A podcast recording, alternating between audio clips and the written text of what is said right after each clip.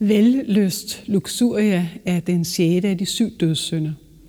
Den korrekte oversættelse af det latinske ord luxuria er overdådighed eller rettere formejethed. Det er ikke lysten som sådan, der advares imod, men det er dens formejethed. Det er nydelsesyn, det er, at man bliver syg af eller syg med nydelse, der fordømmes. At begæret ligesom tager overhånd. Men gør det ikke altid det, vil man nok spørge i dag efter at have læst og stiftet bekendtskab med både Freud og Lacan. Tidligere oversatte man ofte luxurier med ushugt og tænkte da mest på sex uden for ægteskabet, og også indenfor, hvis det til lige medførte nydelse. Også det ser vi anderledes på i dag, hvor vi både tillader os at have lyst og udleve den lyst, vi har. I vores dage dyrker vi både vellysten og velværet som menneskerettigheder. Ja, det er ligefrem blevet en synd ikke at have lyst både seksuelt og generelt. Men kan det faktisk blive for meget af det gode med lysten? Det og meget andet skal jeg tale med lektor og forfatter Lilian Munk Røsing om i dag.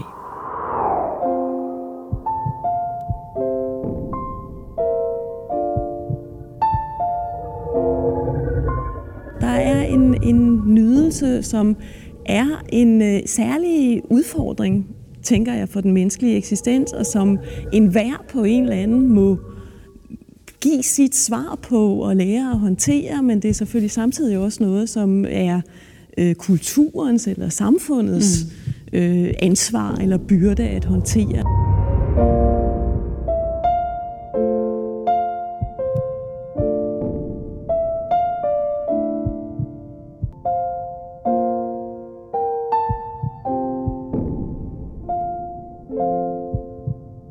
Velkommen, Lilian Munk Grøsing. Du er lektor og forfatter, og øh, jeg har inviteret dig herind i Christianskirke øh, i programmet Dyder og Laster i dagens Danmark. Og det har jeg, fordi jeg godt kunne tænke mig at tale med dig om vellyst. Det er den sjette af de syv dødssynder. Luxuria hedder den på latin. Og jeg kunne godt tænke mig at starte med at spørge dig om, hvad er, hvad er vellyst egentlig for noget? Jamen, jeg tænker jo, at vellyst det kommer sig af, at øh, der til en hver nyttefunktion, et hver, en hver behovstilfredsstillelse, egentlig også knytter sig et overskud af nydelse. Mm-hmm. Det er det, der karakteriserer mennesket, kan man sige, at øh, til at stille vores sult, til at formere os, til at tale sådan set også, som alle sammen er noget, der har nogle biologiske, nyttige funktioner, så knytter sig, der sig altså også mærkværdigvis det her overskud mm. af nydelse. Øhm, gode gamle Freuds øh, mm. eksempel synes jeg stadigvæk er godt, det her med det lille barn, der sutter på tommelfingeren, og det er jo ikke, altså får det jo ikke noget næring ud af, men det er fordi selve den der sutning er blevet en nydelse i sig selv, uafhængigt af at få tilfredsstillet sit biologiske behov. Mm. Og det er vel måske derfor, at vellysten er blevet opfattet som en synd, eller blevet kategoriseret som en synd. Altså det er ikke bare noget, man får noget nytte ud af. Det gælder at sutte på sin tommelfinger, men det gælder også sex, mm. Øh, det gælder også spise, det gælder at drikke. Det er selvfølgelig rimeligt, at man drikker, hvis man er tørstig, men at drikke bare fordi man har lyst. Nej. Eller have sex bare fordi man har lyst, hvis det ikke er for at få børn og føre slægten videre osv.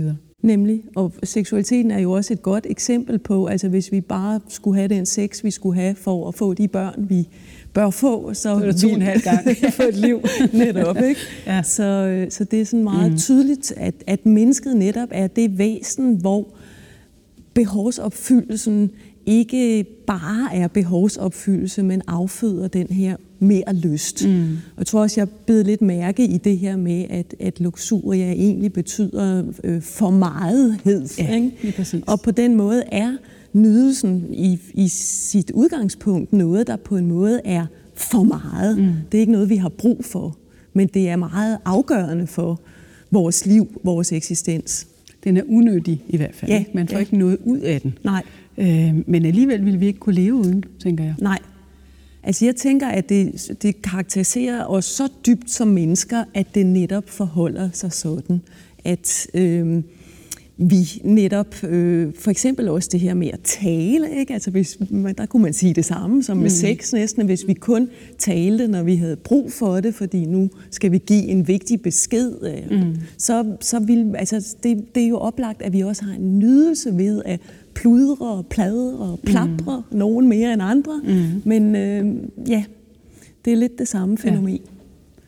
Og så, altså, når, når det nu bliver øh, gjort til en dødssynd øh, ganske tidligt, så er det jo fordi, at der ikke er nogen, øh, hvad kan man sige, der er ikke nogen nytte forbundet med det, men det er også fordi, der er en, hmm, en, en mistro i forhold til begæret.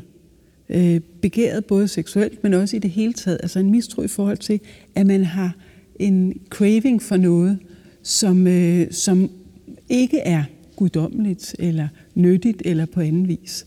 Augustin for eksempel øh, talte om, at vi havde et, et grundlæggende begær, øh, og hvis det rettede sig mod Gud, så var det godt. Mm. Men det gjorde det bare ikke. Nej. øh, det rettede sig mod alle mulige andre øh, ting.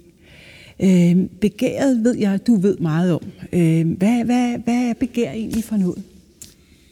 Jamen, hvis man skal definere begær med psykoanalysen som sådan meget af det sted, jeg kommer fra, så har begær jo egentlig noget at gøre med en oprindelig separation, en adskilthed. Mm-hmm. Øh, at vi øh, engang var et med vores omverden, med vores mor, havde sådan en fornemmelse af, at mm. der mhm. ikke var grænser mellem mig og det uden for mig. Men så kommer den her grænse, man kan sige egentlig, at det sker lige så snart navlestrengen klippes, mm. øh, at hele eksistensen hviler på sådan en form for separation eller tab. Ja. Og så snart man har den separation, så har man også begæret efter at forene sig med, med det derude, ja. som man er blevet adskilt fra. Ikke? Mm-hmm. Og det er altså det har også meget at gøre med, at vi er sproglige væsener. Altså sproget er også det, der kommer og laver en slags skæld mellem tingen og navnet for tingen, ordet. Øh, så begæret og sproget indtræffer i samme hug. Så i begæret ligger der en trang til at blive genforenet med noget, noget tabt, eller i hvert fald noget, man er, noget, man er adskilt fra. Ja. Og hvad, hvad så med lysten? Øh, hvad, hvad er forholdet mellem lyst og begær, og måske endda også vellyst? Ja, Jamen jeg tænker, der er sådan en sjov øh, dobbelthed af mangel på den ene side og for megethed på mm. den anden side. Ja. Altså begær kan være det, at du der er noget, du savner, noget, du mangler, du øh, så har den her craving efter. Men vellyst måske mere er det der med, at du opdager en lyst der, hvor du ikke havde forventet at finde det. Altså mm. for eksempel, jeg sidder og taler, og så lige pludselig, hvor er det dog egentlig dejligt at mm. bevæge tungen mm. i munden, eller hvad ved jeg, mm. ikke? Ja. Så, så, så der er sådan en, en dobbelthed i det, som man så øh, det, man kunne operere måske med begær som begrebet for det, der har med manglen at gøre, at genforenes med det, man har tabt, øh, og så lysten, der egentlig har noget at gøre med, at, at der opstår sådan et, et boblende overskud af nydelse, og nogle gange måske også øh, på en måde, der ikke nødvendigvis er behagelig. Det er jo mm. ikke altid, at vi måske har lyst til at eksponeres for den nydelse. Mm-hmm. Mm-hmm. Platon siger i symposion, øh, der ligger alle de her mænd og drikker vin og taler om kærlighed, øh, og kærlighed som guden Eros. Og, øh, og, og, og der kommer forskellige historier, men så kommer Sokrates altid som rosinen i pølseenden. Og han fortæller historien om, øh, han har opsøgt spokvinden Dioptima, og hun har fortalt ham øh, noget om Eros, som han så fortæller videre til os. Og jeg siger det, fordi der, han har jo den her beskrivelse af guden Eros, hvor han siger, at han blev avlet øh, under Afrodites øh, fødselsdagsfest, hvor guderne blev fulde, de gik rundt i haven, og så lagde to guder sig under en busk, og det var Poros og Penia, guden for overflod, overskud, og guden for, gudinden for fattigdom. Ja. Og de aflede Eros mm. kærlighed, mm. som netop derfor altså både er øh, en overflod for mighthed, men også øh, et begær efter at få mere, eller noget, man fattes øh, på den ene eller den anden måde. Er det, kunne, man, kunne man sige, at de to ting på en eller anden måde ligger i den her differentiering mellem, mellem lyst og begær? Jamen, det synes jeg egentlig, at der taler myten smukt ind i mm. også en, en psykoanalytisk begrebsverden, ja. eller den her netop dobbelthed af, af overflod og knaphed, ikke, som ja. er drivkræfterne i lysten. Men nu, myten handlede jo om eros, eller kærlighed, vil ja. jeg sige det. Der er jo så også en anden, det er ikke en myte, Anders Nygren med sin store bog Eros og Agape, der kom i, øh, i 1930'erne, hvor han skældner imellem Eros-kærligheden, som er en begærende kærlighed, en opadstræbende kærlighed, og som ikke er så fin, siger han. Mm. Øh, hvorimod Agape-kærligheden er den hengivende kærlighed, som kun elsker for at give kærlighed. Det er den rigtig fine kristne kærlighed. Har du nogen mening om det, eller passer det ind i, i det her med begær og lyst? Altså er der slet ikke noget lyst, øh, der er ikke syndig? Jo, altså jeg tror, at jeg tror, at lysten og nydelsen kan have en for magethed i sig, som kan være problematisk. Mm. Og der tænker jeg måske i retning af misbruget. Mm. Altså vi kan jo blive afhængige af, af lysten eller være i vores lysters vold. Ja. Øh, og det er jo ikke behageligt, altså heller ikke for os selv. Der bliver mm. vi ligesom slave af, øh, af noget, ikke, som, øh, som gør os ufri.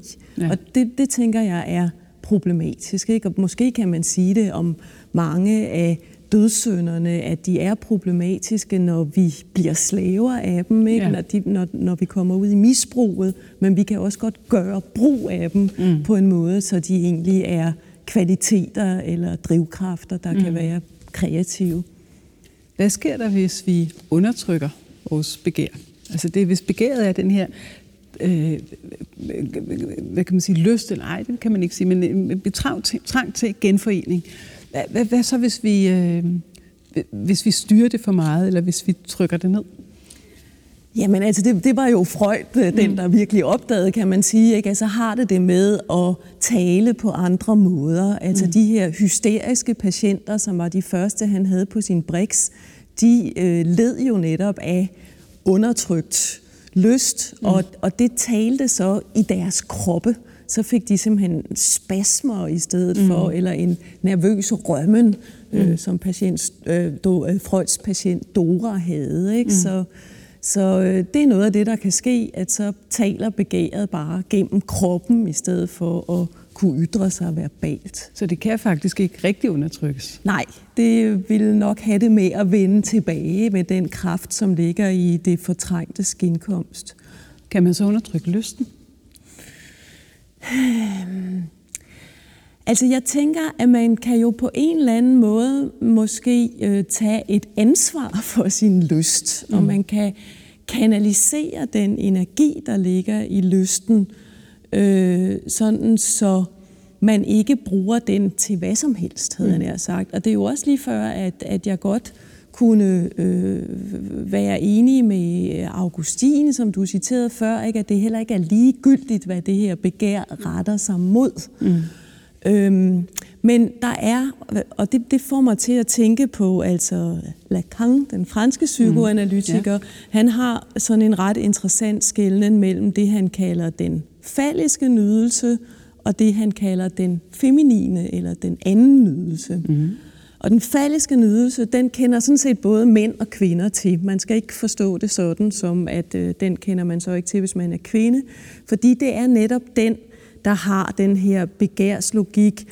Jeg vil have det der, men når jeg så har fået det, ah, så vil jeg have mere. Mm. Ikke? Altså det er hele den øh, logik, som man kan sige også vores forbrugssamfund sådan set ja. er bygget på. Ikke? Det er det faldiske begærslogik. Øh, et begær, der aldrig bliver fuldt tilfredsstillet, og så tilfredsstillelsen avler i virkeligheden blot mere begær. Ikke? Ja.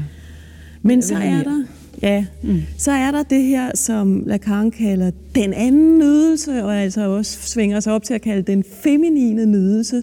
Og sjovt nok er det faktisk øh, et øh, katolsk billede, eller en katolsk skulptur, han, der er ligesom hans fremmeste billede på den her anden nydelse. Det er den hellige Teresa, mm. sådan som hun er hugget i marmor af Bernini, som... Øh, sidder sådan og, eller ligger henslængt og himler op mod loftet eller himlen, mm. øh, mens der står sådan en lille amer og peger på hende med sin falliske pil. Ja. Men det er øh, helt tydeligt ikke den lille amer med den falliske pil, hun er interesseret i. Mm. Hun, har, hun kommunikerer med et eller andet hinsides. Ja.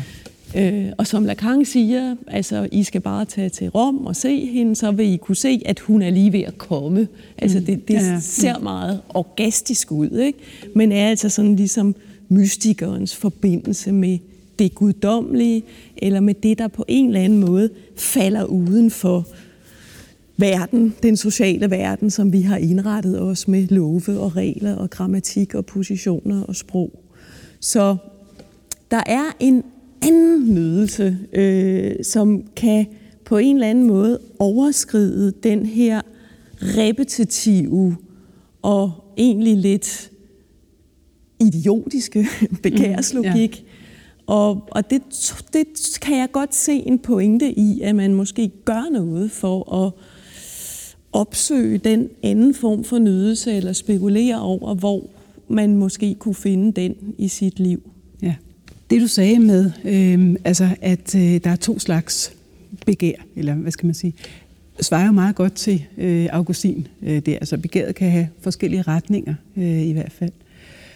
Øh, hvis vi ser på øh, dagens Danmark, øh, taler vi om dyder og laster i dagens Danmark, hvordan har begæret det så, tænker du? Altså er det, er det betimeligt at begære? Måske det faldiske begær er om sig gribende, eller øh, har vi stadigvæk en tendens til at sige, ah, vellysten er en synd? Eller, altså jeg synes faktisk, det er svært at forholde på, fordi på den ene side, så øh, er der sådan lidt mm, puritanisme. Øh, på den anden side er det også sådan, bring it on. Altså ligegyldigt hvad, så er det bare, du skal følge din lyst. Mm. Hvad, hvad, hvad, hvad, hvad tænker du om det?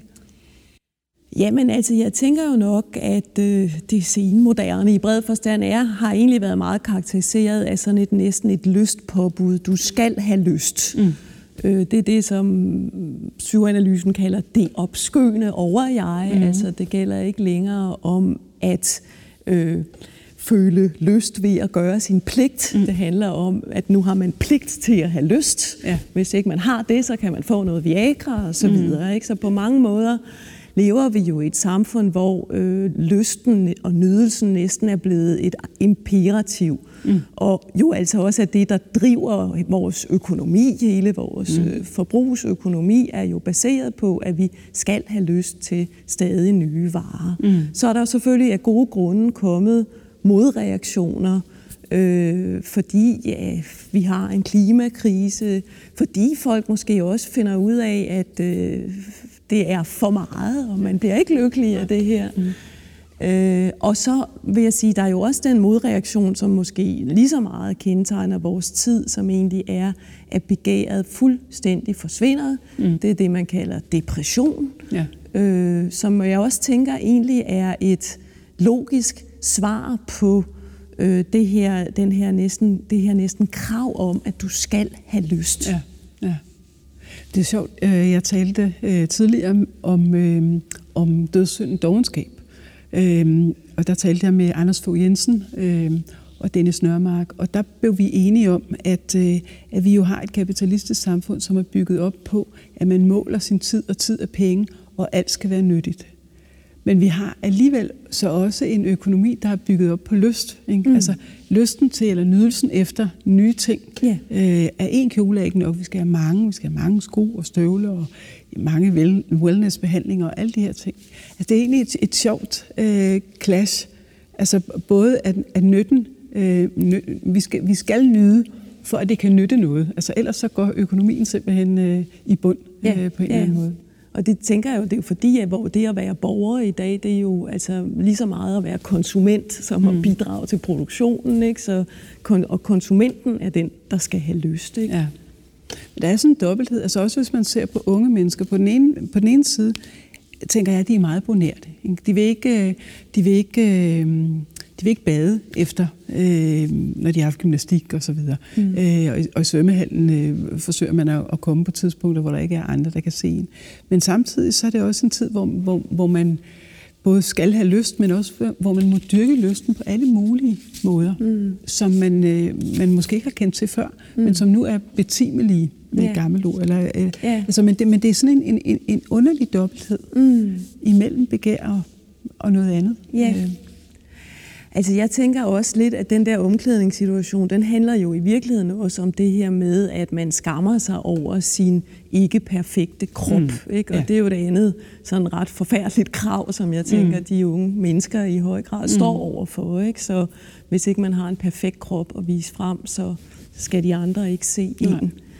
Øh, og det tænker jeg igen, altså der, der er et sådan ret, der er nogle ret ubenhørlige øh, krav til de unge mennesker i dag, mm. tænker jeg. Det fordi det, og, men de kan igen også have den her lidt paradoxale karakter. Du skal nyde, mm. men du skal også spæge din krop og slanke dig mm. og træne dig. Og der, der, de har et, et, en dæmon på hver skulder, en ja, overjegs ja. dæmon på hver skulder, der står og råber nogle gange modstridende ting ind i hovedet mm. på dem. Og det, det tænker jeg er ja, trist. Ja. En svær situation.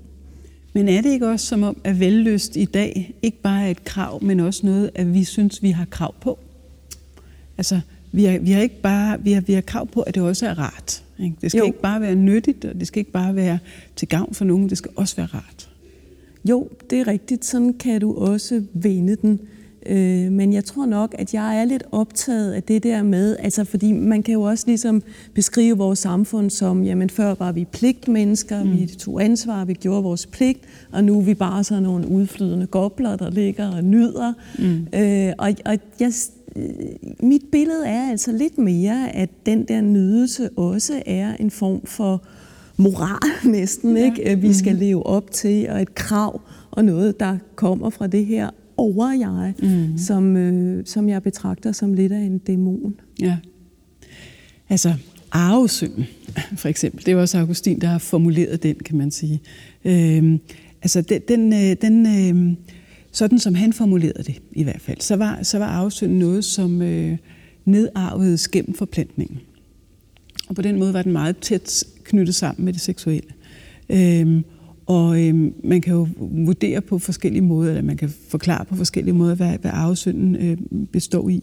Men, øh, men øh, man kan sige, at langt hen ad vejen, når, når velløs blev gjort til en dødssynd, så var det vel for at sige, jamen det er ikke godt at nyde. Altså, det er kun godt at gøre det, der er nyttigt, der tjener et konkret formål, men det er ikke godt at nyde. Mm. Øh, har vi på den måde, øh, tænker vi på den måde i en helt anden øh, kontekst i dag? Altså har afsynden overhovedet nogen betydning? Det er sådan et stort spørgsmål. Ja, det er et stort spørgsmål. Øhm. Eller tænker vi overhovedet det seksuelle som noget syndigt? På nogen måde? Sådan generelt? Ja, Altså, der, der er en stærk tenden, tendens til, at det gør vi ikke. Og, mm. du kan, og så kan man sige, at så er der måske også en tendens til, at seksualitet også næsten bliver en præstation. Ikke? Mm. Altså, så skal ja. vi også yde på lanet, havde jeg ja, ja, sagt. Ja, ikke? Ja. Så på den måde har vi jo ikke sluppet forestillingen om, mm. ja, det har vi meget langt fra, at, at præstere og at yde. Mm. Øh, men, men den er måske også flyttet hen øh, i det seksuelle register. Ja. Luther øh, var jo faktisk en af dem, som man plejer at sige, satte seksualiteten lidt fri, fordi han sagde, at præster godt måtte gifte sig. Øh, det må de ikke i den katolske kirke, men det må de i den øh, protestantiske kirke. Men han var alligevel øh, meget optaget af, at grunden til, at de måtte gifte sig, det var jo for at føre slægten videre. Ikke? Altså, at det var forplantningen, der var den eneste grund til, at, øh, at man skulle øh, skulle, skulle gifte sig og have sex osv., som, som vi faktisk startede med øh, at tale om. Sådan ser vi jo ikke på sex i dag overhovedet. Nej. Øh, altså, så på den måde er den eneste grund til, at, øh, at vi stadigvæk har sex i virkeligheden, for de fleste af os, der har fået to og et halvt barn, eller hvor mange det nu er, det er jo nydelse. Ja. Øh, altså, så, så uden nydelsen, øh, så, så, så, ville, så ville vi ikke længere, kan man sige, så vi ikke længere givet, eller hvad? Nej, altså. nej. Altså det, og det, det, på den måde er nydelsen en motor i vores eksistens mm. lige fra starten, tænker jeg. Ikke? Øh, og, og jeg tænker, at det også er det, der adskiller mennesket fra dyret faktisk. Øh, mm. Lacan har sådan en herlig historie om sin hund. Han har en mm. hund, der hedder Leila, og Leila kan tale, siger Lacan. Selvfølgelig kan hun det, mm. men Leila taler kun, når hun har brug for det. Mm. Og det er sådan det der til forskel fra mennesket, ikke? Mm. hvor vi plaprer, vi pludrer. Der, der er en, en nydelse, som er en øh, særlig udfordring, tænker jeg, for den menneskelige eksistens, og som enhver på en eller anden må give sit svar på og lære at håndtere, men det er selvfølgelig samtidig også noget, som er øh, kulturens eller samfundets mm øh, ansvar eller byrde at håndtere. Man kan sige, at en, enhver kultur er egentlig også en håndtering af det her problem, men også den ressource, som nydelsen er. Ja. Så hvis vi skal konkludere for det, der vi ved at være nu, kan man sige, så er vellyst vel ikke en synd i dag.